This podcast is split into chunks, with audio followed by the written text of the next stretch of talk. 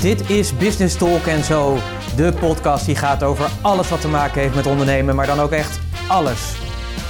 Hier krijg je naast inspiratie en motivatie ook de strategieën en de complete actieplannen die ervoor zorgen dat jij de next level in jouw ondernemerschap bereikt.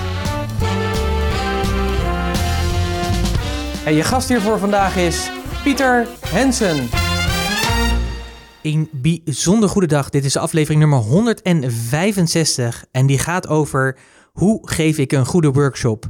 En daarvoor interview ik Annika van de Hoek en Peter Gerritsen van het mooie bedrijf Psidos. En wat zij doen onder andere is dat zij mensen helpen om kennis te helpen overdragen in organisaties of daarbuiten. En een workshop hoort daar natuurlijk ook gewoon bij. En ik denk dat velen van jullie die ook luisteren ook regelmatig voor een groep staan, misschien zelf wel workshops geven of dat graag willen gaan doen of een presentatie geven. En daarom is het ook super goed om hen te interviewen over hoe geef je nou die goede presentatie, want daar komt een hele hoop meer bij kijken dan dat je misschien wel verwacht. Leuk dat je weer luistert. Mijn naam is Pieter Hensen. Ik ben ondernemer, investeerder en trotse mede-eigenaar van het mooie bedrijf Puurst. En ik hoop natuurlijk weer dat je een hele mooie week hebt gehad. Dat je weer terugkijkt op een week dat je denkt van yes, weet je, ik heb gewoon weer gave dingen gedaan. En ik, uh, ja, ik ben gewoon weer blij dat ik weer mijn klanten weer een stap verder heb kunnen helpen met de mooie producten en diensten die, ja, die je hebt natuurlijk. En deze week had ik ook een leuke week met een aantal leuke en bijzondere dingen. Zo hebben we onder andere zijn we bezig geweest weer met de nieuwe content planning voor de komende tijd. We krijgen volgende week een nieuwe website, nieuwe huisstijl. En daar hoort natuurlijk ook in die nieuwe huisstijl nadenken over ja, welke content gaan we nu weer leveren aan jullie als luisteraar of uh, nou ja, als uh, trouwe fan misschien wel of nog geen fan. Uh, we willen graag natuurlijk zoveel mogelijk ondernemers helpen om het, ja, hun bedrijfsdoelen te halen, om het volgende niveau in hun business te realiseren. En daarvoor moet je natuurlijk ook goed nadenken over wat bied je ze dan? Welke waarde bied je natuurlijk jou als ondernemer, zodat jij ook weer de volgende stappen kan zetten? De podcast is er natuurlijk eentje van. Een van de dingen die daar bijvoorbeeld naar voren zijn gekomen is Um, ik doe natuurlijk dagelijks een mini-podcast. Ik heb gezegd, ik ga dat een jaar doen.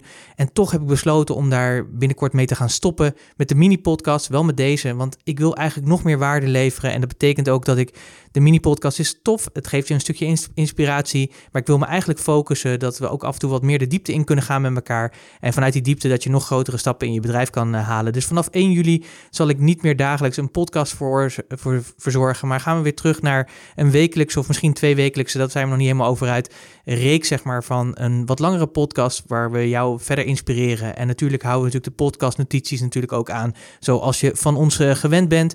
En ik heb natuurlijk het leuke interview gehad met Annika en Peter van Psidos over hoe geef je nou een goede workshop. Want daar komt toch heel vaak heel veel meer bij kijken dan dat je zou denken. En misschien heb je wel eens workshops gegeven en dan weet je soms dat het best wel lastig is om dat te doen. Zeker als je in één keer met publiek te maken krijgt die ook wat kritisch is. Hoe ga je daar nou mee om? Maar waarschijnlijk ken je ook wel een aantal workshops waar je zelf bent geweest. Dat je dacht van oei oei oei, wat een pittige workshop. Omdat die gewoon of heel saai was of niet goed. Of je werd gewoon overladen met informatie. En je weet van voor of achter niet waar je moet beginnen. Kortom, er komt best wel wat bij kijken. En daarom dacht ik, omdat toch veel van jullie als luisteraar ook regelmatig voor een groep staan. Uh, al is het maar zeg maar dat je voor je klanten staat, of misschien is het niet eens voor je klanten, maar misschien heb je wel een, een, een team van personeel waar je graag ook kennis mee wilt delen of je visie wil uitdragen over je bedrijf. En dan is het goed om daar gewoon een goede opbouw in te hebben en hun mee te nemen. En ik denk dat dat gewoon een, nou, dat dat heel belangrijk is om dat op een goede manier te doen, zodat je ook echt de kennis en de vaardigheden die je wil overdragen, de doelstelling die je wil bereiken met het geven van die presentatie, van die workshop, ja, dat je dat ook op een goede manier doet. En het toffe is, is dat kan je aanleren. Die vaardigheden kan je letterlijk aanleren. Nou, en Peter en Annika die hebben daar een super gave workshop voor, waarin ze dat intern in organisatie doen. En ze gaan hem nu ook in een open inschrijving geven. En in, in dat kader dacht ik van, nou, dat is super tof om hen te interviewen en jou, zeg maar, een inkijk te geven in hoe bouw je nou eigenlijk een, een goede workshop op. Nou, uh, ze geven je heel veel tips en tricks al in dit interview. Het is een tof interview geworden. Dus ik zou echt zeggen, pak eventjes pen en papier bij de hand. Want je gaat hier heel veel tips krijgen die je meteen kan gaan implementeren. Om te zorgen dat je gewoon betere workshops gaat geven. En dat je dat ook op een goede manier opbouwt. Want design, het ontwerp is gewoon een hele belangrijke. En dat zul je ook gaan terughoren in dit interview. En natuurlijk heb ik ook weer podcastnotities voor je gemaakt. Die kun je natuurlijk weer vinden als je surft naar puurst.nl slash podcast 165. Puurst.nl slash podcast 165. Download daar de podcastnotities. En daar vind je een mooie samenvatting van alle tips die uit dit interview komen. Ik heb ze voor je gestructureerd, zodat je een mooi naslagwerk hebt. En dan zou ik zeggen, nu gaan we lekker genieten van het mooie interview en dan spreek ik je zo weer. Tot zo. Uh, leuk dat je luistert. En tegenover mij zitten Peter en Annika van Psidos. En vandaag gaan we het hebben over hoe je nou een goede workshop in elkaar zet. En hoe je hem ook geeft. En zorgt dat ook de kennis en informatie die je over wil dragen, dat die ook echt daar komen waar ze moeten komen. En dat die ook blijven hangen. En dat mensen denk ik ook hun gedrag gaan veranderen. Daar gaan we het over hebben. En zij zijn er heel erg goed in om andere mensen daarin te begeleiden. En daarom leek me heel erg leuk, omdat ja, velen van jullie die luisteren ook ja, voor, vaak ook voor een groep staan. Of zeggen van, ah, ik zou eigenlijk wel eens een workshop willen geven, maar ik weet niet zo goed hoe of spannend. Dus toen dacht ik, ja, dan moet ik echt gewoon de twee professionals hebben die hier echt iets over weten. En dat uh, zijn Annika en Peter. Dus uh, hartstikke leuk dat jullie er zijn. Bedankt. Dankjewel. Voordat ik altijd uh, zeg maar de inhoud inga, dan vind ik het altijd leuk om elkaar wat beter te leren kennen. En dat doe ik altijd vaak door wat keuzes voor te leggen. En ik ben heel benieuwd, want jullie zijn nu met z'n tweeën. Dus het kan maar zo zijn dat de een de een kiest en de ander de ander. Dus je moet kiezen geen keus, dus je moet kiezen. Maar daarna mag je wel natuurlijk een beetje nuanceren. Want zo, uh, we leven gewoon nog steeds in Nederland en niet in Noord-Korea. Dus dat kan gewoon. Gelukkig. Ja, fijn is dat hè. Het begeleiden van, van een individu of van een groep. Ah, dat is meteen een dilemma, met recht. En je moet kiezen. Dat is een dilemma. Training, coaching. Training, coaching. Oh, die komt hierna. Training of coaching. Oh, echt? Oh. Ja. Oké, okay, ik, ik ga voor ja, het is echt een dilemma. Een dilemma maakt het dat je, dat, dat je eigenlijk moet kiezen wat niet kan. Ik zou er nu kiezen voor een groep. Oké, voor een groep. En jij kies je ook voor een groep? Ik kies, ik kies ook voor een groep. Maar ik vind, ik vind één op één werk ook heel erg leuk. Maar voor dit moment kies ik voor de groep. Oké. Ja. En wat is zo leuk om voor een groep te staan? Voor mij is het de uitdaging in elke keer opnieuw aanvoelen en uitzoeken wat past bij deze mensen, wat past bij deze groep. En ook een aanspraak doen op mijn eigen creativiteit in leervormen. En wat ga ik met ze doen? Wat gaat helpen om hun doelen en wensen te behalen? En dat vind ik, uh, vind ik leuk van werken met groepen. En hoe is dat voor jou, Peter? Ja, hetzelfde. Ik denk dat bij mij ook meespeelt dat ik de collectieve energie van zo'n groep mee kan krijgen. En dat ik daar ook verder op kan uh, verder bouwen of uh, de training kan geven of een workshop kan leiden dat doordat mensen elkaar helpen, dat ik daar energie van krijg. En dan krijgen de deelnemers ook weer energie. En daardoor krijg ik weer meer energie. En zo gaat het zo verder. Dus daar kan ik altijd een heel goed gevoel over krijgen. Klinkt goed. De volgende was inderdaad trainen of coachen. Want dat is een beetje natuurlijk... Want de workshop doe je meer trainen, denk ik, hè? Ja, kan ook wel coachen. Nou ja, oké. Ja. Ja. Trainen of coachen? Wat is het? je moet kiezen, je moet kiezen. Nu, nu. coachen voor mij. Trainen voor mij. En we krijgen zo meteen de kans om te nuanceren. je mag nu al nuanceren als je oh. wil. Ja, omdat coachen in trainen gebeurt. Zo uh, benaderen wij training en, uh, en ik ook, is dat je, je gebruikt coachingsvaardigheden in trainingen om een groep verder te krijgen. En dus om die energie los te krijgen, om inzichten te genereren. En dan gebruiken we uh, ja, coachingsvaardigheden voor. Dus dat staat bij mij op de voorgrond daarom voelt het vaak ook meer een soort groepscoaching dan training. Als soort ja, training om het zo te noemen, want dat is herkenbaar. Maar uh, ja, ik geef daarom de voorkeur aan coachen. En ik kies voor uh, trainen nu, omdat daar bij mij het hart voor het vak eigenlijk wel is begonnen. Ik heb tijdens mijn opleiding een uh, master voor trainer, een trainingsmaster gedaan. En daar is eigenlijk mijn hart voor het vak wel heel erg sneller van gaan kloppen. Dus als ik terugdenk, denk ik, ja, daar is het voor mij wel mee begonnen. Dus ik blijf bij die, uh, die roots. Oké. Een escape room of een veranderd traject in een organisatie? Dat is niet te kiezen oh. hoor. Pieter, wat doe je? Ja, maar je moet kiezen, echt waar. en. Dat kan niet. je moet... Je moet, moet. Het is en. Je moet nu kiezen. Oké. Vertel. Ik weet al, ik heb al een list bedacht. ik zeg, ik zeg veranderd traject. Dan zeg ik escape room. En dan samen. En dan samen. Ja, mijn list is dan namelijk als volgt. Dat een escape room kan een onderdeel zijn van een veranderd traject. Dus ik sluit het daarom dus ook niet uit met mijn keuze. En uh, zo kan ik iets wat heel gaaf is voor mezelf ook nog even veiligstellen in deze, deze moeilijke keuzes. Escape room kan een onderdeel zijn van een veranderd traject. Er zit een opbouw in een traject en een uh, escape room ervaring plus één teamsessie bijvoorbeeld werkt uh, goed aan inzicht en bewustwording op teamniveau. Maar uh, voor een echte verandering in gedrag of uh, implementatie op de werkvloer, werkvloer achteraf heb je echt meer een traject nodig. Dus, en Heel goed. Nou, zullen we zo dadelijk, want, want de escape room, misschien mensen die nu luisteren, ja, escape room, wat bedoel je er eigenlijk mee? Maar zullen we zo dadelijk even verder toelichten, want jullie gebruiken dat. Ja, Nee, hoor, ik- we zullen het zo kunnen helemaal goed, komt helemaal goed. Jullie zijn natuurlijk PSIDOS. Dat staat voor twee psychologen. klopt. Is het PSIDOS of is het meerdere Psi plus? Kortom, blijf je met je tweeën? Of zit er misschien in de toekomst nog een uitbreiding bij? Daar hebben we het wel eens over gehad. En voorlopig is het nog even met z'n tweeën. Maar eh, we zitten zeker wel te kijken of er misschien een Psytres of Quattro of wat dan ook van eh, te maken is. Ja, daar sluit ik me helemaal bij aan. Voorlopig is het nog even met z'n tweeën, maar eh, eh, de droom, de wens is zeker om eh eh Psylos te laten groeien. En dat betekent ook in eh, medewerkers of Mhm. psy- Psytres, Psyquattro, noem maar op. Ja, Ja. gaaf. Ja. Nou komt echt het moeilijkste dilemma. Peter of Annika? Annika. Wat is dit nou weer voor keuze? Nee, ik hoef niet na te denken. Annika. Dan kies ik Peter. Ik ga voor jou. Oh, wat fijn. Kijk, dit was eigenlijk ook weer een list van mij. Want ik forceerde je eigenlijk op deze manier om mijn naam te noemen. Wat, wat voor, wat voor eh, nuancering wil je hier Ja, Nou, weet ik niet. Wat, wat, voor nuancering is er Ja, bij het zal- geven? Wat bij het geven? Want jij zei meteen Annika, dat was heel duidelijk. Dus eh, ik ben heel benieuwd. Meteen. En ik denk ook, omdat eh, hij hangt samen met de vorige vraag, is namelijk Psydos kan niet zijn zonder Annika. En dat is, afzonderlijk van elkaar kunnen we dingen goed, samen kunnen we dingen beter. Ja. Mooi. En het is dat eh, we hebben een gedeelde visie over wat wij vinden, eh, hoe ons werk eruit moet zien en op wat voor manier we het zouden moeten doen en wat we daarmee willen bereiken. En we hebben zo onze eigen kwaliteiten in de uitvoer daarvan. Eh, zo kunnen we ons echt geweldig aanvullen. Eigenlijk zonder overleg worden taken makkelijk al verdeeld eh, of naar toegetrokken waar de andere plezier van heeft. Ik zal een voorbeeld geven. Ik vind het prima eerlijk gezegd om op de administratie te buigen. Want ik vind het wel lekker om cijfertjes kloppend te maken. En Annika die, die kan als geen ander schrijft ze een, prachtige wervende tekst. Dus voor mijn gevoel klinkt dat als dat ze dat uit de mouw schudt.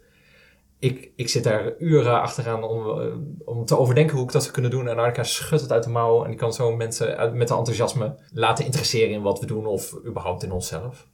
Ja, daar sluit ik me helemaal bij aan. Mijn eerste reactie op deze keuze is, dat is geen keuze. Het is gewoon, Psydos is Peter en Annika, dat is het altijd geweest. En dat eh, zal ook altijd zo blijven, want nee, Psydos is ons DNA. En eh, eh, dat is niet uit elkaar eh, te trekken wat mij betreft. We hebben jullie al een beetje beter leren kennen door deze fantastische mooie keuzes. Waar jullie eh, eh, toch af en toe wat moeite mee hadden. Maar dat is ook te begrijpen. Dat is geen probleem. Ik kun je eens vertellen hoe je tot Psydos bent gekomen. En wat je precies eigenlijk doet. Wat doen jullie in het dagelijks leven? Eerst bij de eerste, hoe we tot Psydos zijn gekomen. Dat is nu zo'n beetje vijf jaar geleden ongeveer. Wij hebben allebei de opleiding uh, uh, psychologie gedaan, sociale psychologie. En Peter heeft arbeids- en organisatiepsychologie gedaan. Daar kennen wij elkaar van. Uh, wij hebben elkaar in de studie al gevonden rond het training- en coachingsvak. Dus daar zijn we elkaar eigenlijk al toen al op tegengekomen. Na de studie uh, merkten wij dat we in de crisisperiode heel moeilijk werkend voet aan de grond konden krijgen. En daar ook echt een beetje ongelukkig van werden. Toen hebben we elkaar opgezocht. Hebben we eerst gewoon, ja, echt wel een maand of negen de tijd genomen om met elkaar te praten en te, te visualiseren over hoe ondernemerschap dan zou kunnen zijn. En toen hebben we de stap gezet om ons, uh, om ons in te schrijven als, als Psydos. Uh, dus het ondernemerschap, wat we tijdens de studie allebei al wel eens in ons hoofd hebben gehad, maar waarvan we dachten van dat gaat nog komen, hebben we daardoor eigenlijk naar voren gehaald. En zo is uh, Psydos ontstaan. Ja, en het is begonnen met uh, ook weer de coaching. En we wilden iets met coaching in organisaties. Nou, toen kwamen we er ook al achter, je hoeft maar in Google in te typen. We zijn niet de enige. nee, toch niet? Toch niet? Dus dacht ik, ja, verdorie, wat, uh, wat kunnen wij nou toevoegen ja, ja, ja, wat er al is? Want er zijn gewoon heel veel mensen die dat kunnen en die dat ook heel goed ja. kunnen. Wat kunnen wij dan toevoegen? Toen kwam eigenlijk op ons pad um, ja, het gebied van trainingen in organisaties en mensen bij elkaar laten komen in organisaties. En over hoe trainingen nou effectief kunnen gebeuren en plezierig en iets waar je niet tegenop ziet, maar waar je naar uit kan kijken. En iets wat impact heeft. Dus niet dat ding is wat je eenmalig doet en dan weer uh, terug naar de orde van de dag en dan ligt het op de plank. Ja. En uh, mensen vonden ons voor uh, um, een stukje observatie van, van workshops en trainingen en dus ook gedrag, menselijk gedrag. Nou ja, uh, daar op een prettige manier uh, feedback over kunnen geven. En uh, dus mensen kunnen helpen om daarin te groeien. En dat is eigenlijk wat we nu nog steeds doen. Psychos heeft op dit moment twee sporen. aan de ene kant houden we ons dus bezig met, met kennisdeling en trainen en organisatie. Organisaties, dat zit hem vooral in het versterken van trainersvaardigheden. Dus het versterken van je vaardigheden in het werken met groepen. Dat doen we op het niveau van degene die daarom vraagt. Dus dat kan beginnend zijn, mensen die nog een workshop moeten gaan ontwerpen. Of mensen die dat al echt langer doen. Dus dat is het ene spoor, kennis delen en trainen. En het andere spoor wat we uh, in de loop der tijd erbij zijn gaan doen, en dat is ook waar die escape rooms net over gingen, is teamontwikkeling. Want kennis delen en teamontwikkeling zijn heel nauw met elkaar verbonden. Want het gaat over uh, open sfeer en een betrokken energie in een organisatie creëren. Dus we doen, gebruiken escape rooms, prikkelende leervormen, ervaringsgerichte leervormen om teams uh, aan het denken te zetten over de samenwerking met elkaar, de rollen in het team, de communicatie. Dat is wat Psydos nu doet. Leuk.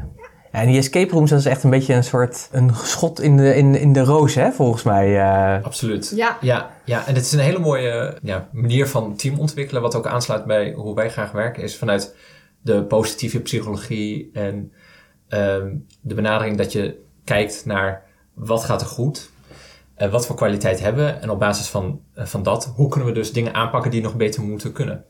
En de escape rooms, mensen, uh, veel organisaties maken daar nu gebruik van. Dus die gaan met een team een escape room doen. Arnika en ik kijken mee. En afloop hebben we anderhalf uur, twee uur een, een training of een workshop.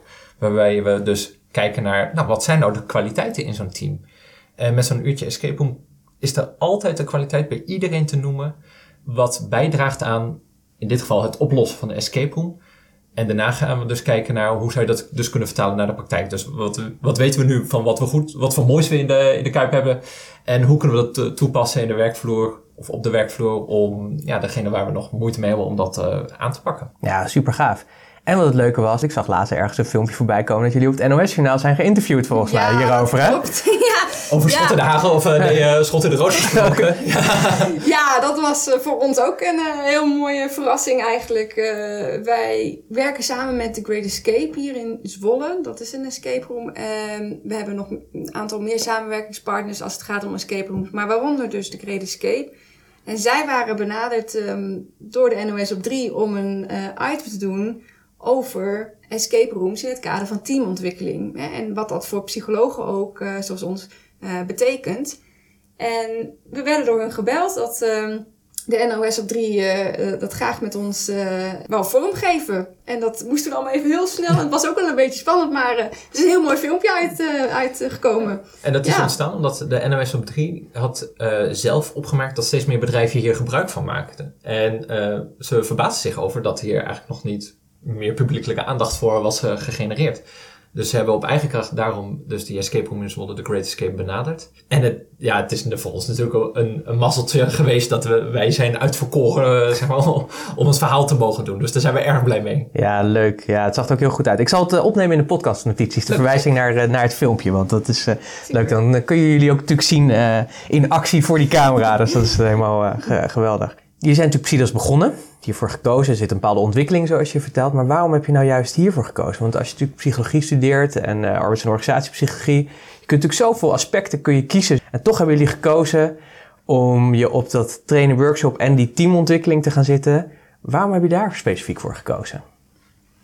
Ja, van, voor mij is dat denk ik twee dingen. Eén, mijn enthousiasme dus voor trainers- en coachesvak. Ik vind echt het werken met groepen vind ik gewoon een van de mooiste dingen die er is. Dus daar word ik gewoon zelf heel erg blij van. Die ontdekking had ik dus al in de studietijd uh, gedaan. Um, maar wat het vooral ook is, is dat het te maken heeft met um, bepaalde waarden. Die voor mij heel belangrijk zijn als het gaat over mensen in relatie tot hun werkomgeving. En de belangrijkste daarvan is eigenlijk waardering. Ik vind het belangrijk dat mensen zich gewaardeerd voelen in uh, hun kennis, hun kunde, hun, hun enthousiasme, hun ervaring. En dat dat ook door een werkgever wordt benut. Uh, en deze vorm, dus werken met mensen uh, om zelf uh, voor de groep te kunnen staan, um, is voor mij een manier om daar een bijdrage aan te kunnen leveren. Aan hoe mensen waardering mogen krijgen voor wat ze betekenen voor een organisatie, voor hun collega's en terug kunnen krijgen wat ze in kennis, kunde en ervaring hebben opgebouwd. Ja. Mooi. En kun je aangeven waarom jij dat zo belangrijk vindt? Dat mensen die waardering nou ja, krijgen, maar dat ze zich ook gewaardeerd voelen? Ja, ja, ik vind dat belangrijk omdat ik om me heen toch vaak zie dat de focus ligt op wat nog beter of wat nog anders of sneller of efficiënter uh, moet. En dat is niet fout, dat is ook goed, want uh, uh, dat draagt bij aan groei en, en innovatie en ontwikkeling. Um, maar ik zie het als echt een hele fundamentele basisbehoefte van mensen om ook de andere kant uh, mee te mogen krijgen. Namelijk, wat gaat er goed? En ook, wat is jouw eigen uh, bijdrage, jouw eigen toegevoegde waarde daarin? Dus ik zie het eigenlijk als een uh, fundamenteel recht, fundamentele behoefte van mensen. Mooi. En, en de reden waarom ik belangrijk vind dat dat ook gebeurt, is omdat het um, bepaalde betrokkenheid en openheid en energie in een team of in een organisatie brengt. Waarvan ik denk, dat zou elke organisatie moeten willen. Heel goed. En wat levert het, wat levert het zo'n organisatie op als waardering er is en die energie ontstaat? Ik, ik, ik kan er wel een beeld bij vormen hoor, maar uh, jullie maken natuurlijk uh, dagelijks mee, omdat je natuurlijk in die organisaties uh, bent. Dus wat, wat gebeurt er dan als jullie in zo'n traject dat zeg maar tot stand brengen? Of meer aandacht aangeven? Organisaties komen bij ons vaak met de vraag om bewustwording en vaak ook wel met de wens om een bepaalde verandering op gang te brengen die te maken heeft met houding en gedrag. Dus er zijn allerlei soorten processen gaande in een organisatie. De processen waar wij bij worden ingeschakeld hebben vaak te maken met houding en gedrag. En daarbij komen allerlei thema's kijken. Dus hè, betere samenwerking, bijvoorbeeld door een meer efficiëntere manier van communiceren. Maar ook problemen die worden ervaren als een stuk onbegrip uh, of wantrouwen wat er tussen mensen kan, uh, kan spelen. Waarmee je op deze manier uh, eigenlijk werkt aan het tegenovergestelde. Hè? Dus meer openheid, meer, meer verbinding met elkaar. En dit zijn allemaal dingen die je als bedrijf nodig hebt om en je, je service naar je klanten zo goed mogelijk te houden of nog verder te brengen. En die je nodig hebt om innovatief te kunnen blijven. Dus om in te kunnen spelen op veranderingen in de markt, bij, intern bij jezelf, bij klanten. Want je medewerkers zijn daarin uh, uh, wat ons betreft leidend. Dus dat is de reden waarom organisaties uh, er aandacht aan zouden moeten besteden. Mooi. mooi dat jullie die visie ook hebben. Want ik denk, ik denk zeker dat je natuurlijk, als je natuurlijk kijkt dat je personeel is gewoon, denk je, belangrijkste asset die je hebt. Ja. En zeker vandaag de dag wordt dat steeds belangrijker. Ik merk ook veel ondernemers die wij begeleiden, is moeite hebben om de juiste mensen te vinden en te houden. Zo belangrijk, denk ik, om ja. daar nou, en organisaties die zien soms niet eens wie ze in huis hebben. En die weten dat soms niet eens, te, terwijl het er wel is. En dan wordt er automatisch naar buiten gekeken, wat, wat ook natuurlijk prima is. Maar wellicht zijn er gewoon mensen in de organisatie zelf die al, al die ervaring, al die kennis hebben uh, die, die ze nodig hebben. En dat is wat je ook bij elkaar brengt. Dus je brengt aan het licht eigenlijk van, wat heb je er aan kennis uh, wat je zou kunnen gebruiken om je processen effectiever te kunnen maken. Uh, om die communicatie nou eens een keer te stroomlijnen. En ook bijvoorbeeld om nou, hoeveel ergernissen zijn er niet in een organisatie waarbij bijvoorbeeld mensen afhankelijk van elkaar zijn om bepaalde redenen, om procesmatige redenen. En dat ergens in de keten iemand geen idee heeft waarom eigenlijk iets op een bepaalde manier moet ja. worden aangelegd of waarom iets wordt gedaan. En als iemand dat nou op een interessante manier kan doen, op een uh, interactieve manier, mensen kan laten ervaren waarom dat zo noodzakelijk is, dan is die persoon veel meer bereid om dat ook te gaan doen en dat misschien wel mee te denken over hoe het nog beter zou kunnen. En daar krijg je dus ook weer bij wat Annika eerder zei is die waardering voor die mensen. Het is niet voor niets dat ze daar werken. Ze, ze doen dat voor de organisatie. En dat mag ook wel eens een keer gewoon naar boven worden gehaald en aandacht uh, aan worden gegeven. En draagvlak is ook een belangrijk punt. Want hè, uh, Peter net ook al zei, als er een behoefte is rond ontwikkelen of opleiden, uh, wordt vaak ook buiten de deur gekeken. Wat op zich prima is, want wat niet in huis is, moet je gewoon in huis halen, ja. zeg maar. Dat is logisch. Um, maar als je het kunt organiseren met in ieder geval voor een deel eigen mensen, creëert het ook draagvlak. Want je ziet een collega staan voor de groep waarvan je weet, die snapt het. Die snapt mijn wereld, die snapt de, de, de dagelijkse problemen waar ik voor sta. Uh, die die uh, kan relateren aan wat ik meemaak in mijn werk. En dat geeft, uh, geeft heel veel draagvlak, wat het leereffect, het rendement van zo'n uh, workshop of training weer verhoogt.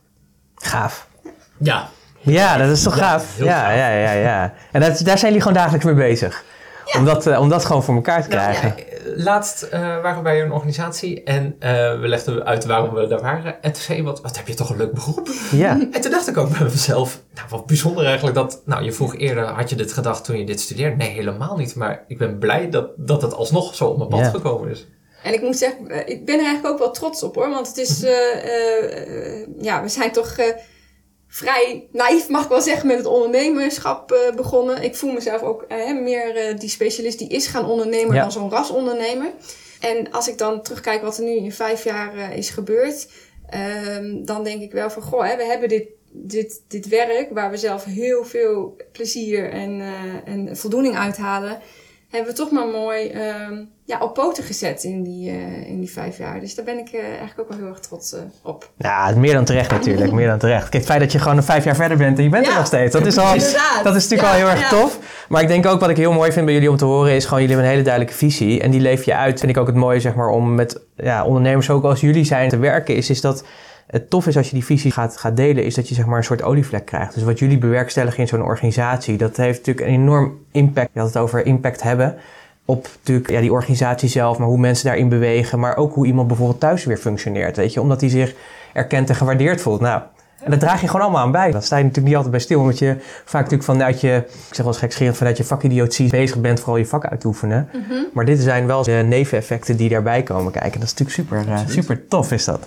En dat doen jullie gewoon, dus dat is eh, te gek. We hadden het net al even over, want daar gingen we natuurlijk, want mensen die misschien luisteren, ja, we zouden het toch over workshops gaan hebben. Ja, daar gaan we het natuurlijk ook over hebben, dus dat gaan we nu natuurlijk ook snel doen. Maar het is natuurlijk altijd goed om even de context eh, te hebben en natuurlijk te weten waarom deze mensen hier tegenover mij zitten het recht hebben om hier wat zinvol over te zeggen. Hè? Dat, dat je zegt, zegt van nou, als, als die dit zeggen, dan klopt dat ook. Want dit is gewoon hun dagelijkse werk en de effecten die dat eh, met zich meebrengt. ja, een workshop geven, dat is nogal wat. Hè? Ik heb eh, laatst eens een beetje onderzocht. Eh, ik heb begrepen dat eh, mensen voor een, eh, een, een, een, voor een groep staan dat dat doodsangst nummer één is in de wereld. Ja, klopt. Je hebt er zelf ook ervaring mee eh, met werken met groepen. Ja, dat Dus, klopt. eh, Maar, ja. maar wat, wat doen jullie er nou aan om te zorgen dat, dat mensen toch niet doodgaan, zeg maar? Want,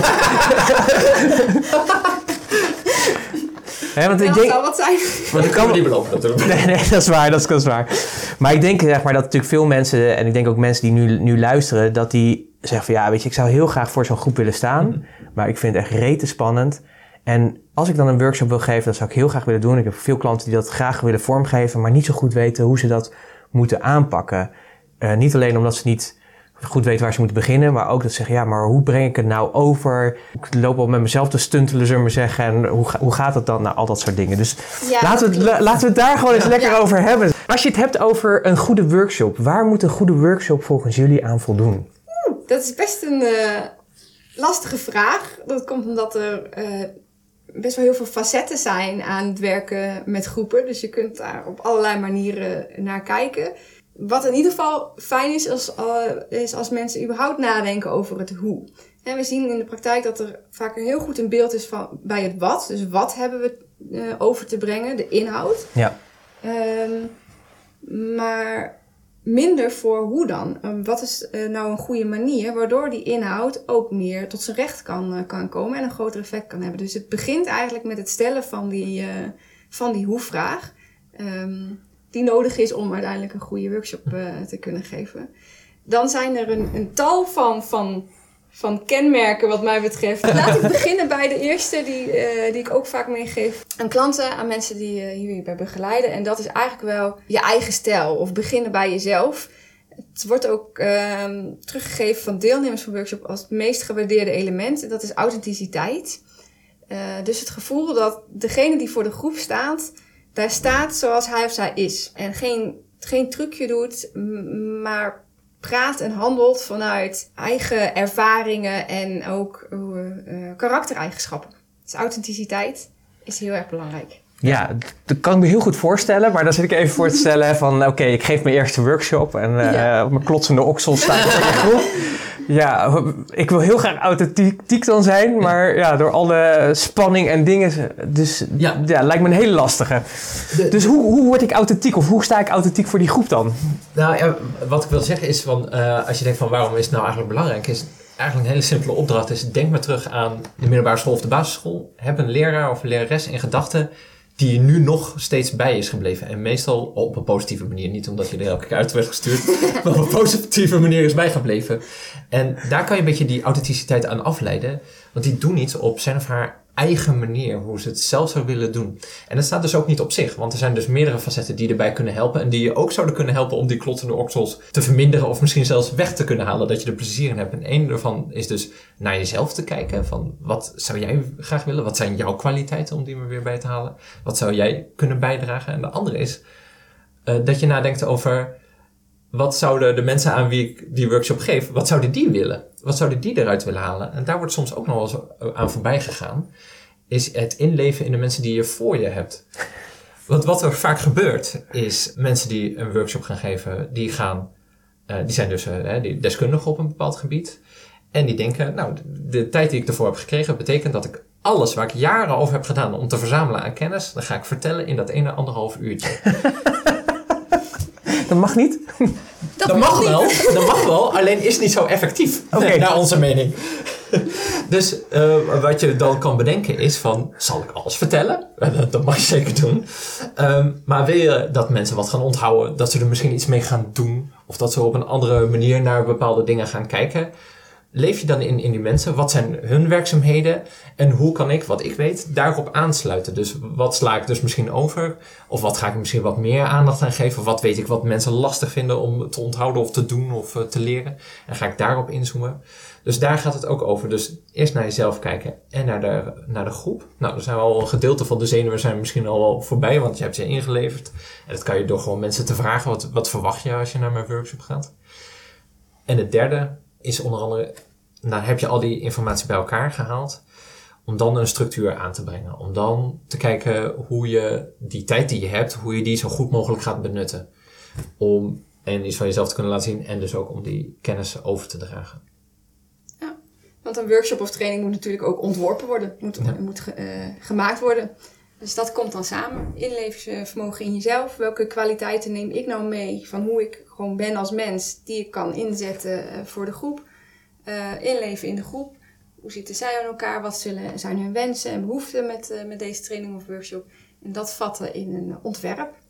En dat ontwerp is juist super gaaf. Want Klopt dan kan je dus gewoon je eigen manier kan je erin vastleggen. En ik denk dat daar ook een beetje de, de zenuwen en een beetje de angst van mensen in zitten. Is dat ze denken, ik moet die ene topspreker zijn. Ik moet die begenadigde TED-talker moet ik zijn. We moeten allemaal de Obama van... Ja, uh, van, allemaal uh, Obama zijn, inderdaad. Maar dat, dat hoeft helemaal niet. Je mag het gewoon op je eigen manier doen. En dat betekent dus ook dat je werkvormen of manieren van kennis overdragen zelf kan verzinnen. Dat hoeft dus niet die presentatie te zijn. Als je, want dan gaat het een beetje over verwachting. Wat mensen denken van waarom uh, voor de groep staan zo eng is. Dan moet ik een presentatie geven met slides. En dat betekent dus ook dat alles opkomt op hoe je het gaat vertellen en hoe begenadigd je bent. Nou, dat is maar een paar mensen weggelegd die, die zo begenadigd zijn dat, dat mensen aan hun lippen hangen. Ik wil dat ook altijd heel graag. Maar uh, wetende dat ik dat niet anderhalf uur vol kan houden, gooi ik altijd interessante werkvormen in, waardoor mensen zelf aan de slag kunnen. Uh, uh, en waarbij ik alsnog mijn doelstellingen kan halen. Dus daar zit het ontwerpen in. Daar kan je juist ook je, je eigen stempel in kwijt. 7 en 9 augustus geven jullie een workshop waar je hier wat meer over gaat vertellen. Uh, hartstikke veel. Nou, daar gaan we straks nog, ook nog wel even over hebben. Maar jullie hebben natuurlijk zelf dus ook workshops gegeven. Vertel eens, uh, hoe was jullie allereerste workshop die jullie misschien samen of alleen gaven? Uh, ik ben heel erg benieuwd naar jullie eigen ervaring uh, daarin. Nou, Pieter zit al een beetje gniepig te lachen en je hoopt op een smeuverhaal, maar daar kan ik aan toegeven, denk ik ook.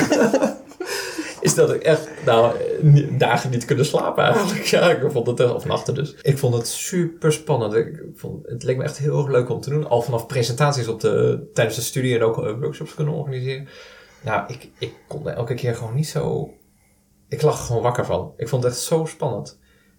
Ja, ik, ik, ik had het ook, vond het ook heel erg spannend. Uh, voor mij was het in, in de eerste keer dus tijdens de studie, toen ik met die uh, trainingsopleiding ja, bezig was. Tuurlijk, ja. Um, heel erg spannend, want je, je kreeg klassen studenten toegewezen. Uh, ja, dat was natuurlijk ja, super eng. Ik denk van, hoe ga ik dat doen? Maar wat ik ook had, ehm, je had het dus, waar we het net over hadden, het ontwerp. Hè, toen ook het ontwerp gemaakt.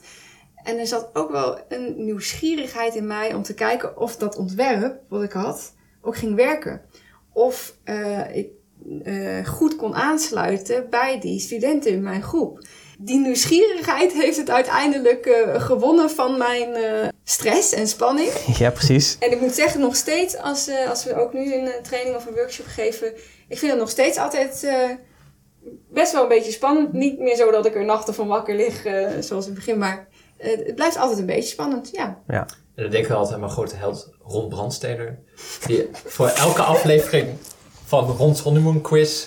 Hij zei dat hij het toch altijd heel spannend vond en dat hij zenuwachtig in de coulissen stond. En dan denk ik, nou, als zelfs Ron, de grote Ron, als die het nog spannend vindt, wie ben ik dan?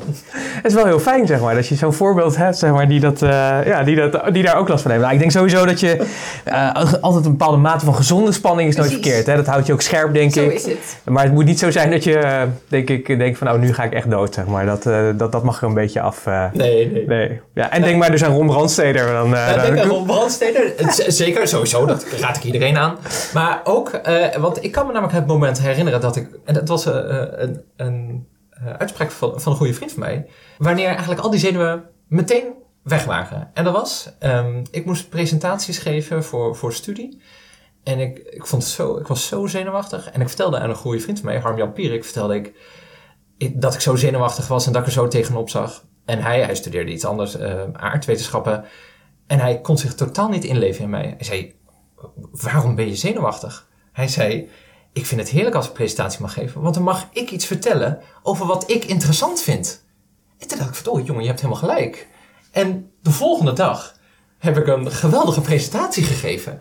Door de mindset met de positieve benadering. Wat mooi, ik krijg de kans om iets wat mij boeit, wat mij interessant lijkt en wat ik graag aan andere mensen wil overdragen, daar krijg ik de kans eh, en, en de tijd voor en de ruimte om dat over te kunnen dragen. Dus bij deze Harmjan, hartelijk dank. Ja, ik vond het, voor Ja. mij was dat een cruciaal moment. Was Ja. Dat, ja. Dat, dat het je rust geeft, zeg maar. Dat je op een andere manier ernaar gaat kijken. Ja, het Waardoor de realiteit eh, gewoon eh, anders wordt. En Ja. dat is voor, voor onze klanten ook. Hè. Eh, Ze, ze komen bij ons eh, voor een deel om gewoon meer bedreven te raken in bijvoorbeeld dat ontwerpen van een workshop. Bijvoorbeeld dat stuk inlevingsvermogen in die groep. Dus dan gaat het echt om, eh, om de vaardigheidsontwerpen met groepen. Maar ze komen ook bij ons voor een stuk zelfvertrouwen. Helpen om een bepaalde drempel te nemen. Ja. En mijn ervaring daarin is om dat ehm, zo laag, laagdrempelig mogelijk te beginnen. Maar wel een stap in te zetten. Om mensen te laten ervaren, hey, ik weet veel, ik heb wat te delen en het is hartstikke leuk. Vind ik heel erg mooi. En ik denk, ja, ik denk met name inderdaad als mensen gewoon vertrouwen in, in zichzelf hebben. Van oké, ik kan dit gewoon. Ik heb alle kennis al. Ik ben niet de oplichter die hier staat, die het Nee. niet weet, zullen we maar zeggen. En wat ik vaak ook merk is dat op het moment dat je een presentatie gaat geven, is dat de mensen die naar je komen luisteren, over het algemeen ook willen dat je gewoon succesvol bent. Omdat ja, zij willen natuurlijk graag jou horen. Ze zitten niet voor niets in die zaal. Over het algemeen genomen. Soms kan je natuurlijk gestuurd zijn, dan wordt het een ander verhaal. Maar over het algemeen zitten er mensen natuurlijk die zeggen van ja, weet je, ik, eh, ik ben benieuwd wat je te vertellen hebt. Dus vertel het gewoon. En als ze nou gestuurd zijn, dan kunnen mensen ook bij ons komen. Want dan gaan we het hebben over hoe ga je nou om met lastige situaties Ja. in een workshop of training. Ja, want die kom je natuurlijk ook wel eens tegen natuurlijk. Ja, die kom- je ook wel eens tegen. En als je het dan hebt over uh, klots van de oksels vooraf. Dit is, dit is zo'n eh, Ja. onderwerp waar we in eh, onze training onder andere ook op ingaan. Hè, wat zijn nou, kun je je nou voorstellen dat er momenten zijn waarop je denkt van... Oh jee, als dit toch gebeurt of als Ja. dat toch gebeurt, daar ben ik echt eh, bang voor. Bijvoorbeeld een hele moeilijke vraag van een deelnemer waar je geen antwoord op weet. Of inderdaad deelnemers die gestuurd zijn en die eh, ja, eigenlijk niet zoveel zin hebben of er maar een beetje onderuit gezakt bij zitten. Nou, dat soort eh, onderwerpen komen ook aan bod in onze training, hoe je daar dan mee om moet gaan. Ja, want hebben jullie dat zelf eens ervaren? Dat je voor een groep stond en dat er dan...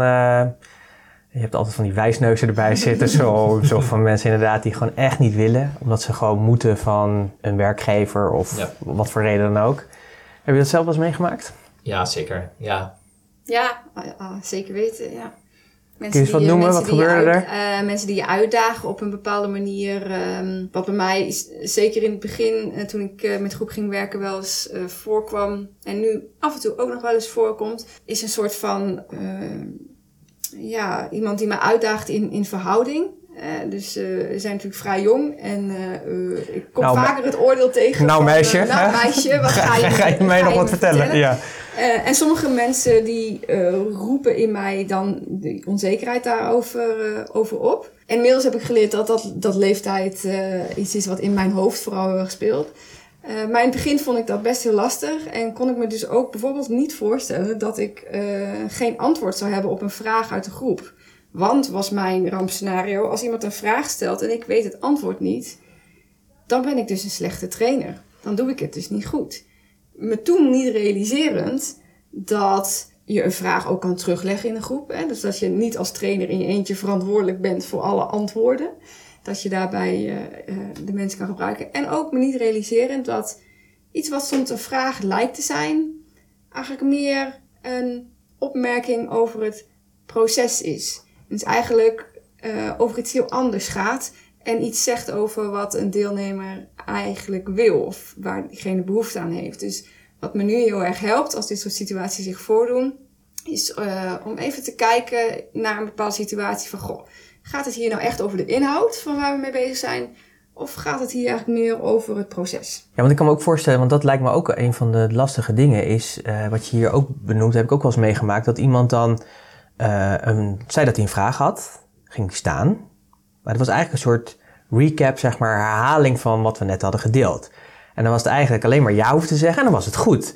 En toen kwam ik er dus ook achter dat mensen natuurlijk dus verschillende leerstijlen hebben. Mensen leren en onthouden dus op verschillende manieren. En voor deze persoon was het heel erg fijn om af en toe eens even te herhalen van klopt het dat ik het goed heb begrepen dat jij dit en dit en dit en dit bedoelt of dat ik het zo en zo moet zien. En als het antwoord dan ja is, nou dan is het goed en dan kon ik weer Precies. gaan zitten. Weet je, in het begin dacht ik, ja. wat, wat, dat heb ik toch net gezegd? Weet je, waarom? Maar ja, dat ja, is het. Dat is precies het goed voorbeeld. Hè? Dan, dus, je gaat, het is dus de achterliggende behoefte van deze persoon is om eigenlijk een stukje bevestiging te krijgen van heb ik, het, heb ik je goed gesnapt? Ja. En, en het, uh, is dus, de behoefte is helemaal niet eigenlijk om een vraag te stellen. Dat doet diegene ook niet, want hij geeft de samenvatting. Maar het gaat erom dat jij als trainer zegt, ja, je hebt het goed begrepen. Dit is, uh, dit is oké. Ja. ja. Ja, ik weet nog dat ik toen echt dacht van nou, dus het is al de derde of vierde keer. Is het niet duidelijk of wat is het? Maar ja, het lag dus niet aan mij, maar het lag dus gewoon aan de leerstijl van die persoon. Ja. Nou ja, dan moet je dan later uh, achter, achterkomen. Ja. Uh, want, uh, want hoe doe je dat eigenlijk? Want we hadden het net over die leerstijlen. Hè? Er zijn mensen die natuurlijk veel meer in beelden denken. Er zijn mensen die natuurlijk veel beter leren door bijvoorbeeld te luisteren of nou ja, ja. te voelen of weet ik veel, te ruiken. Nou, noem alle zintuigen maar op. hoe, hoe ga je daarmee om, zeg maar? want dat lijkt me ook het lastige van het geven van een workshop ik heb zo mijn eigen voorkeursstel. Dat is natuurlijk de beste die er natuurlijk is. Vanzelfsprekend. Dat is uh, logisch. um, maar ja, ik hoorde je net aan het begin ook zeggen dat je op een of andere manier moet inleven in een groep. Heel ja, raar, maar uh, ja. ja. heel, heel apart. Maar vooruit. Ik denk dat ze komen toch voor mij, maar blijkbaar is dat niet zo. dus, dus hoe ga je daarmee om? Hoe, hoe bouw je dat op? Of hoe, hoe, nou hoe, doe je dat? Daar kan je dus vooraf al een beetje rekening mee houden. Want je krijgt uh, door, door in te leven in, in de ander, kan je dus al of een inschatting maken met wat voor voorkeuren er zijn in een groep. En soms weet je het niet helemaal. Dus uh, uh, wij, wij sturen vaak uh, op aan, zorgen dus voor dat, dat zo'n workshop wel van alles wat een beetje heeft, zeg maar, als het gaat om leerstijlen aan te raken. Dus theorie gewoon vertellen en mee laten doen, mensen wat dingen laten ervaren, wat, wat actievere vormen, een debatvorm of iets in die geest. Iets waardoor je verschillende manieren van, van leren hebt. En mensen hebben vaak een voorkeur voor leren, maar dat betekent niet dat ze uitsluitend op die manier willen leren. Dus ook alleen al daarom uh, is het fijn om daarin af te kunnen wisselen. En dan, als ik ook weer terug ga eerder over energie uh, krijgen, dan werkt dus afwisseling daar ook in mee. En, en energie krijgen, als je dat hebt, hè, als mensen meer energie hebben tijdens een workshop, dan dan lukt het gewoon dat ze wat meer openstaan voor nieuwe ideeën, nieuwe theorieën of andere blikken. Dus daar kan je in je ontwerp heel goed rekening mee houden. En dan komen we tegelijk eigenlijk ook weer bij het spannende met, ja, je hebt het ontworpen en dan ga je het doen en dan merk je, hmm, ja, er zijn toch iets andere soort persoonlijkheden in de groep die ik heb. En daar zit hem dan ook een beetje de flexibiliteit in. Van, nou, als ik merk, een bepaalde werkvorm die, die slaat gewoon net even iets beter aan dan wat ik in gedachten had kijken of je ter plekke misschien iets kan vervormen. Of misschien die werk van wat langer kan, uh, kan maken als je merkt dat mensen daar uh, um, uh, goed in meegaan. En daar zit hem dus een beetje de flexibiliteit in. Maar vooraf is wel dat je erover na hebt gedacht en dat je een structuur hebt. Oké, en die structuur, dat hoor ik je nu ook al een paar keer zeggen, hè, van het ontwerp. Heel belangrijk dus blijkbaar. waar, waar voldoet een goed ontwerp aan? Nou, dan begin ik een met een klassieker die ik gelijk even uh, onderuit wil zwiepen. Mooi. Hoe vaak wij namelijk zien dat uh, uh, PowerPoint-presentaties die al zoveel jaar oud zijn, van, gemaakt door een collega die al lang niet meer werkt in de organisatie. Vol met teksten. Vol met teksten. Die voorgelezen worden.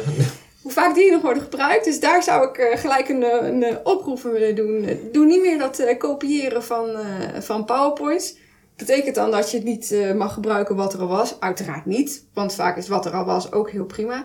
Maar uh, giet het wel in jouw eigen vorm. Geef, uh, maak, het, ehm, maak het je eigen. en hoe je ontwerpt, dat, hoe je het liefst ontwerpt, dat verschilt. Sommige mensen gebruiken dus inderdaad PowerPoint bij wijze van een soort draaiboek. Uh, andere mensen houden van tekenen, die, uh, die, die schetsen hun uh, ontwerp. Andere mensen houden van schrijven, die schrijven het gewoon uit. Dus onderzoek welke vorm bij jou past om die structuur aan te brengen. Maar maak het in ieder geval altijd eigen. En naast het eigen maken is ook de, de toevoeging denk ik eraan, maak het realistisch. Want dan ga ik net zoals de veel informatie die je hebt om te vertellen, stel dus daarom ook een realistisch doel met wat je met je workshop wil behalen. Is het realistisch dat mensen helemaal veranderen na, na anderhalf uur of twee uur gewoon een workshop volgen? Ja, toch? Dat zou mooi zijn, dat zou ja. Als je bij onze workshop vervolgt, zeker. Dan maar, kom je op een stoel te zitten met al een stroomstoten. Begrijp je dit? Nee? Ja, ja dat, dat rammen er zo uit in twee uur. Dus dat kan, hè. Maar uh, sinds er uh, mensenrechten zijn, hebben we besloten om het toch op een andere manier uh, aan te pakken. En het is dus, stel realistische doelen. wat kan je doen in de tijd die je ervoor hebt, die je voor hebt gekregen als het een dag is? Nou, wat kan je in een dag kwijt? Wat kan je in, in een half dag kwijt? En dus ook realistisch, ook weer met de energie en de mensen die in je groep hebt zitten. Is het, is het um, handig om drie uur, drie uur achter elkaar iets te doen zonder een pauze ertussen. Kan misschien, als het een vrije opdracht is, of als mensen de ruimte hebben om dat te doen, of als het zo geweldig is dat, mensen de, dat tijd vliegt.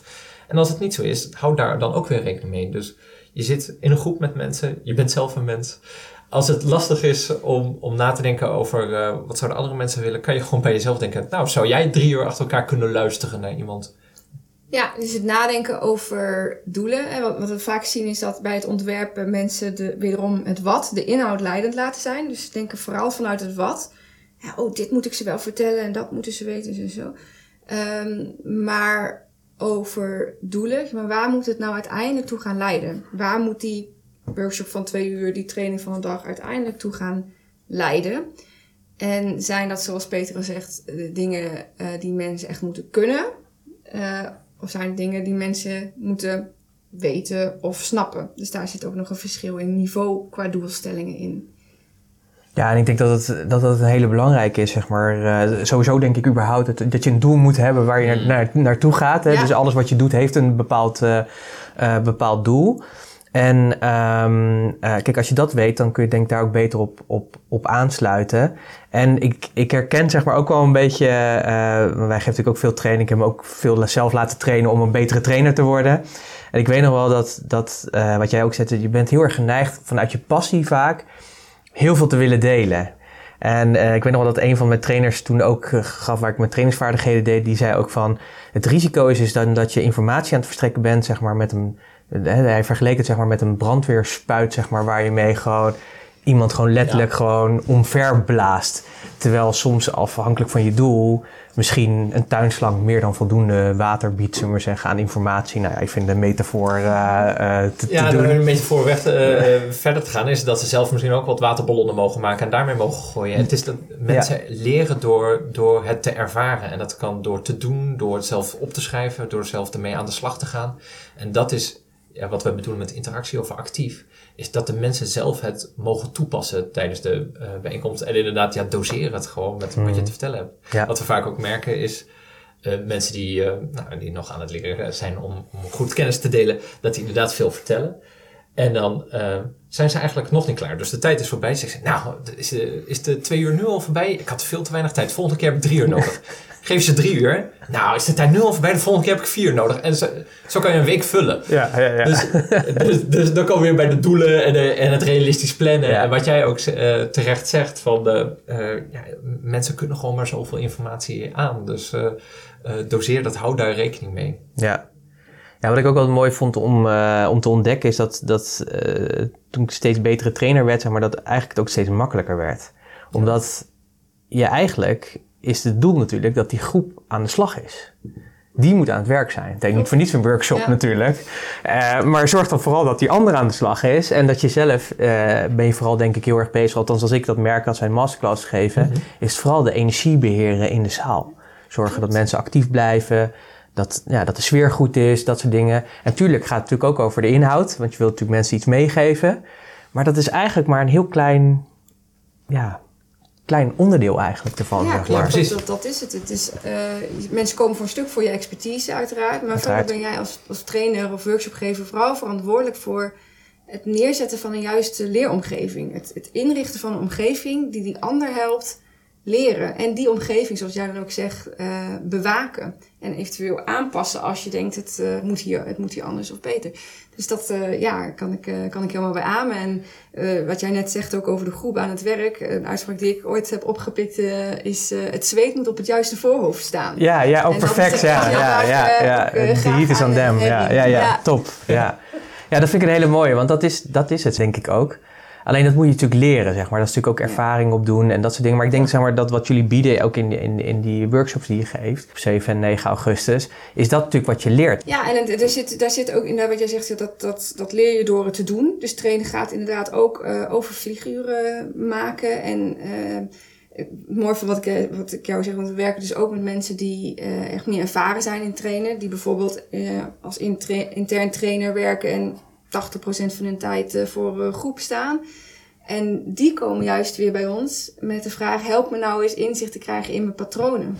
Mooi. Eh, ja. Dus dat, hè, dat kan weer een behoefte zijn van een meer ervaren eh, trainer of workshopgever. Een hele andere vraag dan degene die eh, aan het begin staat en zegt: Goh, ik heb een idee, dat wil ik zo graag omzetten in een workshop, help me daarbij. Ja. Ja, mooi. Maar ja, ik denk ook dat je... Ik kan me ook voorstellen dat... dat ja, je hebt natuurlijk verschillende niveaus in trainen, zeg maar. En, en de behoefte is anders. Dus ik kan me ook voorstellen dat je zegt van... Ja, kom eens een keer kijken in mijn workshop. Hoe doe ik dingen? Wat kan ik beter of anders doen om nog meer mijn doel te realiseren? Wat ik zelf altijd wel altijd een zoektocht vind is van... Nou, dan heb ik bedacht van... Oké, dit is wat ik wil delen. Dit is mijn doelstelling. En dat is helemaal uitgewerkt. Maar ja, dan komt de vorm om het te gaan overbrengen. En elke keer denk ik... Ja, maar dit hebben we de vorige keer met ze gedaan. Wat ga ik nu weer doen? Hoe, hoe doe je dat? Hoe, hoe kom je tot die creatieve werkvormen? Behalve dan dat ik weer ergens op internet dan ga lopen zoeken. Maar Nou, ja, help me. Een, be- een, een beetje, een beetje van beide, eh, denk ik. Want eh, tuurlijk, als, ze, als, ze gewoon, als je zelf iets moois hebt gezien of iets zelf hebt ervaren waar je zo'n eh, goed gevoel over hebt, waarom zou je dat ook niet kunnen gebruiken? Absoluut, gebruik dat gewoon. En je kan het altijd weer aanpassen aan de doelgroep eh, die je hebt of de mensen waarin je het hebt. Dus je zou het altijd weer kunnen bijschaven. Of als je maar 10 minuten voor een opdracht hebt ingepland en de oorspronkelijke opdracht is een half uur. Nou, wat kan je eruit halen om alsnog in die 10 minuten te doen?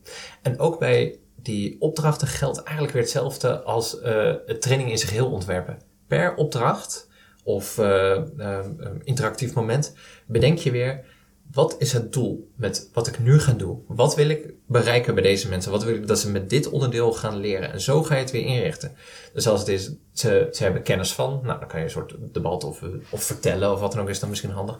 Maar als je echt, je doel is, ze moeten hebben ervaren dat, ja, dan kan je wat actievere vorm bedenken. En a- aan de hand daarvan kan je weer een opdracht of een werkvorm ontwerpen. Ja, dus wat Peter zegt, eh, voor een deel is dat eh, inderdaad putten uit de ervaringen die je zelf hebt, op putten wat er beschikbaar is in boeken, op internet. Er zijn natuurlijk tal van werkvormen beschreven. Opnieuw, doe niet simpelweg kopiëren, maar denk, bedenk dan wel, past dit bij mijn doelstellingen en moet ik, de, moet ik er een variatie op maken of niet? Eh, maar soms kom je ook bijvoorbeeld door ehm, te sparren met mensen in je omgeving, eh, als voorbereiding of als onderdeel van je ontwikkeling, eh, tot nieuwe werkvormen. Of in ieder geval eh, werkvormen waarvan je zegt van... hé, hey, ja, dat, eh, eh, nou ja, dat, dat komt uit mezelf. Dus eh, een voorbeeld bij ons was eh, eh, wat ik een hele, hele leuke vond. Wij gaven een, een workshop over interactief kennis delen. En die waren we aan het eh, ontwikkelen, aan het voorbereiden. En Peter kwam met een heel leuk idee. Eh, we gaan mensen een, eh, een visualisatieopdracht laten doen. We zetten twee stoeltjes naast elkaar. Eén iemand eh, eh, krijgt de opdracht om te visualiseren, ogen dicht. Je gaat reizen van punt A naar punt B. Andere persoon zit ernaast. Die mag allerlei obstakels opwerpen. Van een trein die niet rijdt tot eh, de sleutels die kwijt zijn of wat dan ook maar. En degene die visualiseert mag elke keer weer opnieuw bedenken: oké, obstakel, hoe ga ik ermee om? Hoe kan ik toch weer verder komen om naar punt B te komen? Een hele leuke oefening die werkt aan creativiteit en oplossingsvermogen en inleving. En eh, nou ja, die kwam tot stand door ons gesprek, onze, onze sparring in de voorbereiding van, eh, van deze workshop. Wauw. En, en nu is dit een, een prachtig creatief voorbeeld van mij, als ik het zo vrij mag zeggen. Ja, Is dit ook het Peter-model, zeg maar? Wat dan, eh, Oh ja, ja, je bent bekend met het Nou ja, we vinden het heel leuk om eh, over creatieve vormen na te denken en onze creativiteit daarvoor te gebruiken. Eh, maar de, dat hoeft absoluut niet. En daar, daarom zeg maar, het jatwerk tussen aanhalingstekens is dus daarom ook helemaal niet erg. Als het maar het doel dient. Je hoeft niet per se uniek te zijn in de vorm die je hebt gevonden. Het hoeft niet. Mensen mogen het heus nog wel eens een keer eerder hebben meegemaakt. Het maakt niet uit, want jij geeft de workshop. Het, je doet het op jouw manier. Jij begeleidt die werkvorm op jouw manier. Dus het zal altijd net iets anders zijn dan de mensen misschien gewend zijn. Dus maak je daar alsjeblieft geen zorgen om. Nou, dat is heel erg fijn. Dus het maakt niet uit als mensen het al twee of drie keer hebben meegemaakt. Ja, soms hebben mensen zo'n drang van het moet per se origineel en wat er ook allemaal zijn. Eh, en daar zit een soort vertekening in wat je denkt dat bij het publiek eh, zit of bij de deelnemers zit. Of hoe je denkt dat een ander dat ziet. Mensen vinden het al heel snel anders en origineel en authentiek. En eh, het wordt wel eens onderschat hoe snel dat eigenlijk al is. Eh, en mensen maken zichzelf bang door dat dus zover te onderschatten dat ze eigenlijk dus een soort ja, nieuw spelprogramma moeten ontwerpen. Daar lijkt het dan soms een beetje op. Denk, ja, Een dat- format, het ja. hoeft helemaal niet, weet je. Dus Nee. eh, kleine dingen zijn al helemaal prima. Ja, jullie gaan 7 en 9 augustus gaan jullie een workshop geven van twee dagdelen waar eh, we alle dingen die we vandaag hebben gesproken nog meer aan de orde komen, Mhm. zodat je daar wat meer kan doen. Wat, wat gaan we, wat gaan, stel dat ik eh, interesse heb en ik, eh, ik denk ja, tof, weet je, ik wil eindelijk eens ermee aan de slag en ik heb jullie gehoord en ik denk nou, wat ik hoor, dat klinkt ook nog aardig, zeg maar. Ik denk dat deze mensen er ook echt verstand van hebben. Dat, dat hebben ze ook. Wat, wat ga ik die dag, wat ga ik die twee dagen leren? Of die twee dagdelen leren? Goeie vraag. dat is- Uiteraard. Daar wil je inschrijven. ja, wat, wat eh, het belangrijkste, wat we ook als eerder hebben gezegd vandaag, mensen komen bij ons één om ehm, meer tips en tricks en vaardigheden te krijgen in het werken met groepen. Eh, en voor een stuk zelfvertrouwen. Ehm, dus die twee eh, hoofddoelen geven eigenlijk onze workshop vorm. Bij het eerste betekent dat dat er gewoon een aantal onderwerpen aan bod komen, zoals waar we net over hadden, omgaan met lastige situaties, maar ook je eigen stijl ontdekken en inzetten, Ehm, inleven in de groep, dus leerstijlen waar jij het net over had, eh, eh, komt aan bod.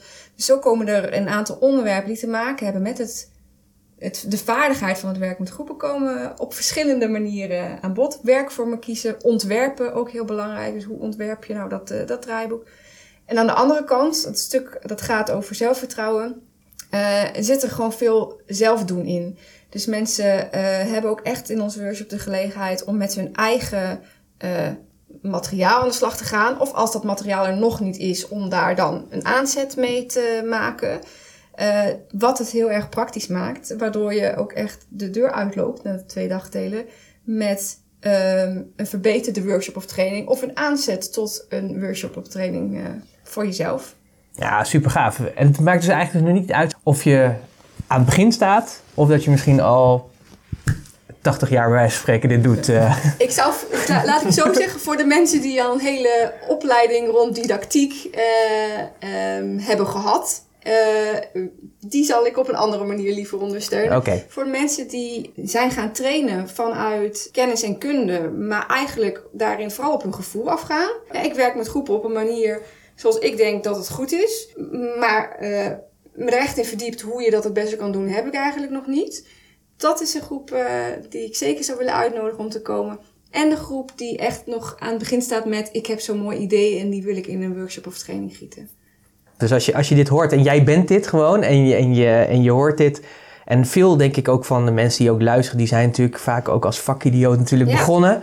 Dus dan het natuurlijk heel erg mooi om te leren hoe je nou een goede workshop maakt. Want ik denk met name ook, dat heb ik zelf ook geleerd. En daar was ik echt van verrast. Dat het overbrengen, of in ieder geval de doelstelling die je hebt met wat je wil, die ander wil meegeven. Ja, er komt zoveel meer bij kijken. Dus trainen is echt een vak. Het is echt een vak. Dat, eh, dat onderschatten we vaak, maar dat is echt een vak. En ik heb zelf geleerd hoe waardevol het ook is om dat kunnen doen. Ook die, die opbouw, hè? dus hoe je designt, waar jullie het over hadden. En wat zo lekker is, is dat ik het niet alleen gebruik in mijn workshops, maar ook gewoon in mijn dienstverlening verder. Want ook daarin wil je natuurlijk doelen realiseren. Wil je mensen iets overbrengen? Wil je bepalen van welke leervormen ga ik doen? Wat, wat voor dingen? Dus het is... Dus, dus het is misschien wel gericht op de workshop, maar er zijn ook kwaliteiten en vaardigheden waar je de rest van je leven heel erg mee eh, eh, verrijkt wordt. Hey, het is op 7 en 9 augustus, dat is natuurlijk midden in de vakantie. Hoe kun je dat nou bedenken? Nee, dat is juist de perfecte tijd. Oh. Want in de vakantie heb je juist even de rust om eens aan persoonlijke ontwikkeling te doen. Of juist hier eens een keer mee aan de slag te gaan. Als je hier al een tijdje mee eh, met je hoofd met het idee eh, rondloopt. Dit is juist het moment eh, om ermee aan de slag te gaan. En als eh, mensen nog meer over de streep te halen, dat zijn dus twee dagdelen. En alle tweede keer zit de, in, zit de lunch inclusief. Oh, kijk, cool, cool. Nou, dat, dat, dat, is al, dat, dat is al een reden. Dan moet je wel eerst onze workshop Ja. volgen. Eh, Want die lunch is pas aan het einde. Dus dat, is, dat is de beloning van, Juist. dat is de beloning van de dag. Hey, en mag ik een onbe- onbeleefde vraag stellen? Als mensen er naartoe willen, wat, wat, zijn, ze, wat zijn ze kwijt? Wat, wat kost het? Dat is de investering, hè? Dat is natuurlijk Dat gewoon is een een hele investering. goede en logische vraag. Het kost 185 euro exclusief BTW. Nou, hier, dat is voor twee dagdelen en wat je krijgt is dat natuurlijk gewoon... Ja, Ja, en we, je- we willen dit heel graag eh, eh, zo doen. Deze eh, workshop geven wij meestal in company. Dus bij organisaties voor collega's die dus binnen de organisatie met groepen werken of dat gaan doen.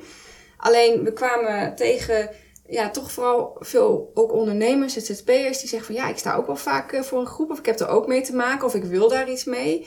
En dat is voor ons ook aanleiding geweest om te zeggen, we willen deze workshop ook graag als open inschrijving eh, aanbieden. En dus bijvoorbeeld ZZP'ers of mensen in organisaties eh, eh, samenbrengen die rond dit thema bezig zijn. Nou, dus als, je, als jij die hier naar luistert en je denkt van... nou, ik heb gewoon het afgelopen uur zoveel waardevolle informatie gehad... ja, dan is het sowieso denk ik wijs om gewoon 7 en 9 augustus aanwezig te zijn. Eh kan zijn dat je misschien wat eerder terug moet komen van je vakantie. Maar dat doe je dan maar gewoon. Nou, dan kun je zoveel vakantie genieten met alle goede workshops die je geeft. Dat, eh, dat, is, dat maakt dan niet meer uit. dus in ieder geval met open armen ontvangen. Ja, dat is heel erg mooi. En stel dat ik eh, eh, informatie wil hebben. Waar, waar ga ik naartoe? Eh, waar kan ik jullie vinden? Dan kan je heel makkelijk eh, surfen naar www.psidos.nl slash workshop. En Psidos is met een Griekse ei, hè? Uiteraard. Uiteraard, helemaal goed. Dus psidos.nl slash workshop. Daar vind je alle informatie over workshops. kun je denk ik ook aanmelden. Klopt. Ik las iets van acht plekken, hè? Maximaal acht. Maximaal Ja. acht. Dus ja, zorg dat je er gewoon bij bent. Eh, is er nog iets wat ik ben vergeten aan jullie te vragen? Als je zegt van ja, Pieter, maar dat moeten mensen die nu echt luisteren, die moeten ze nog echt wel even weten als het gaat over workshops. Nou, het allerbelangrijkste is denk ik, eh, natuurlijk moet je goed eh, toegerust zijn en goed voorbereid zijn. Maar is in ieder geval dat je er gewoon plezier in hebt dat je een workshop geeft. En dat je het leuk vindt om mensen iets te leren. Dan ben je al, meer dan de helft ben je er dan eigenlijk al. En daar gaat onze workshop ook zeker over. En mensen die ons kennen zullen dat ook beamen. Wij komen zelf ook met een heleboel energie en enthousiasme en plezier eh, wat we meenemen, wat wij meenemen eh, voor de groep. Ik wil jullie heel erg bedanken voor, eh, voor ja, dit gesprek eigenlijk, of interview, het is maar net hoe we kijken. Ik denk dat er heel veel waardevolle tips in zaten over het geven van een workshop en hoe je dat doet en welke elementen erin zaten. Nou, in de podcastnotities komt daar natuurlijk nog een mooie samenvatting van. Daar vind je ook de informatie. Ik zal ook de link opnemen zeg maar, naar het aanbod wat jullie, wat jullie hebben van de workshop van eh, 7 en 9 augustus. Zodat je alle informatie tot, tot je beschikking hebt. Ik weet niet hoe jij er tegenaan hebt gekeken, maar ik vond het een super waardevol interview. En heel veel mooie tips en tricks en inzichten over hoe jij een betere workshop kan geven. Of eigenlijk hoe je kennis beter kan delen. En zorgen dat de doelstellingen die jij wil bereiken met het overbrengen van jouw kennis, dat die daadwerkelijk ook gebeuren. Wil je daar een mooi naslagwerk van hebben? Download dan even de podcastnotities. Dat kun je doen door te gaan naar puurs.nl slash podcast 165. Puurs.nl slash podcast 165. Dan krijg je die notities in je mailbox. En het mooie is, daar vind je het naslagwerk met alle waardevolle tips en tricks gestructureerd vormgegeven in een overzicht, in een mooi PDF. En natuurlijk ook allerlei extra informatie, zoals het, het NOS-item uh, wat uh, Psidos heeft geschoten, of het, waar Psidos voor gevraagd is, over de uh, escape rooms. Die zit erbij in, de URL. Maar ook natuurlijk de informatie over Psidos zelf en de workshop die ze geven op 7 en 9 augustus. Uh, wil je daar meer informatie over, dan vind je dat natuurlijk in die podcastnotities. Maar je kunt ook even gaan naar psidos.nl slash workshop. En dan vind je daar ook alle informaties en de mogelijkheden om je aan te melden. Dus als jij denkt van ja, ik wil hier meer mee gaan doen, dan is dat zeker een aanrader om dat op te pakken en dat te gaan doen. Ik denk dat dat heel tof voor je is. En op die manier kun je dat ook op allerlei andere plekken in je business, zeker de, het ontwerp, kun je heel goed gaan toepassen. Dus een dubbele investering, denk ik, die meer dan waard is dan wat zij ervoor vragen. Dus ik zou dat zeker doen, mocht je dit overwegen.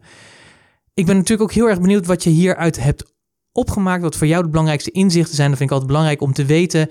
En wat ga je er natuurlijk mee doen? Dus als je dat leuk vindt, deel dat dan ook even in de kanalen waarin je deze podcast tegenkomt. Dat kan in de social media kanalen zijn, dat kan bij ons op de website zijn, maar dat kan ook op andere plekken zijn waar je deze uh, podcast tegenkomt. Heel erg fijn om te horen wat jij er belangrijk van vindt en wat je ermee gaat doen, zodat je ook anderen kan inspireren om verder te komen. En daar doen we het natuurlijk uiteindelijk ook voor.